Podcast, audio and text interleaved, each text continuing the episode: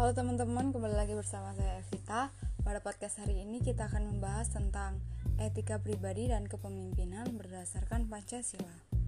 Pada podcast hari ini saya akan menjawab beberapa pertanyaan. Pertanyaan yang pertama, berikan dua contoh etika pribadi yang pernah Anda rasakan dan alami saat berinteraksi dengan lingkungan sosial. Contoh etika pribadi yang dirasakan atau alami yaitu bersikap ramah dan sopan di mana pun kita berada kita dituntut ramah dan sopan kepada semua orang agar kita bisa memiliki banyak teman dan mudah untuk berbaur. Yang kedua mau membantu dengan ikhlas dan tidak egois. Contohnya ketika kita sedang melihat orang kesusahan dalam suatu kelompok kita harus mau membantu dengan ikhlas. Tidak boleh mementingkan kepentingan pribadi dan harus mementingkan kepentingan orang lain.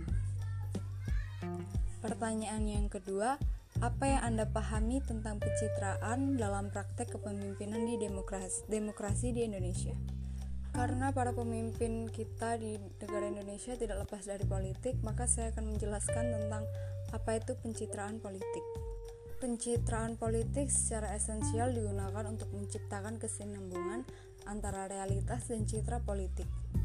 Tujuan dari dilaksanakannya pencitraan politik adalah untuk mempengaruhi persepsi, perasaan, kesadaran, dan opini publik sehingga publik mudah digiring ke dalam suatu preferensi, pilihan, dan keputusan politik tertentu.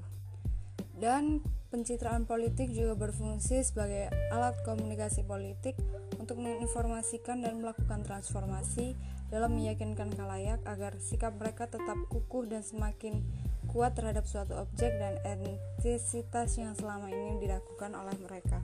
Dan hal tersebut dilakukan supaya para pemimpin kita mempunyai poin plus di, di mata masyarakat. Pertanyaan yang ketiga, adakah hubungan timbal balik antara etika dengan pencitraan dalam praktek demokrasi? Jawaban saya adalah ada, karena dalam hubungan timbal balik antara etika dan Pencitraan bisa ditunjukkan dengan ketika kita memiliki etika yang baik.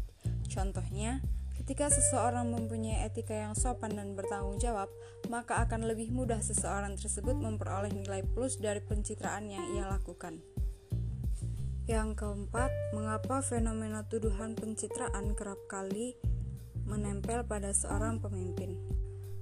Tuduhan pencitraan kerap menempel pada seorang pemimpin karena ketika melakukan suatu pemilihan, seseorang harus menunjukkan dan menggiring opini masyarakat terhadap semua hal positif yang dilakukan, sehingga membuat masyarakat percaya dan menjadikan orang tersebut menjadi seorang pemimpin yang baik untuk para masyarakat.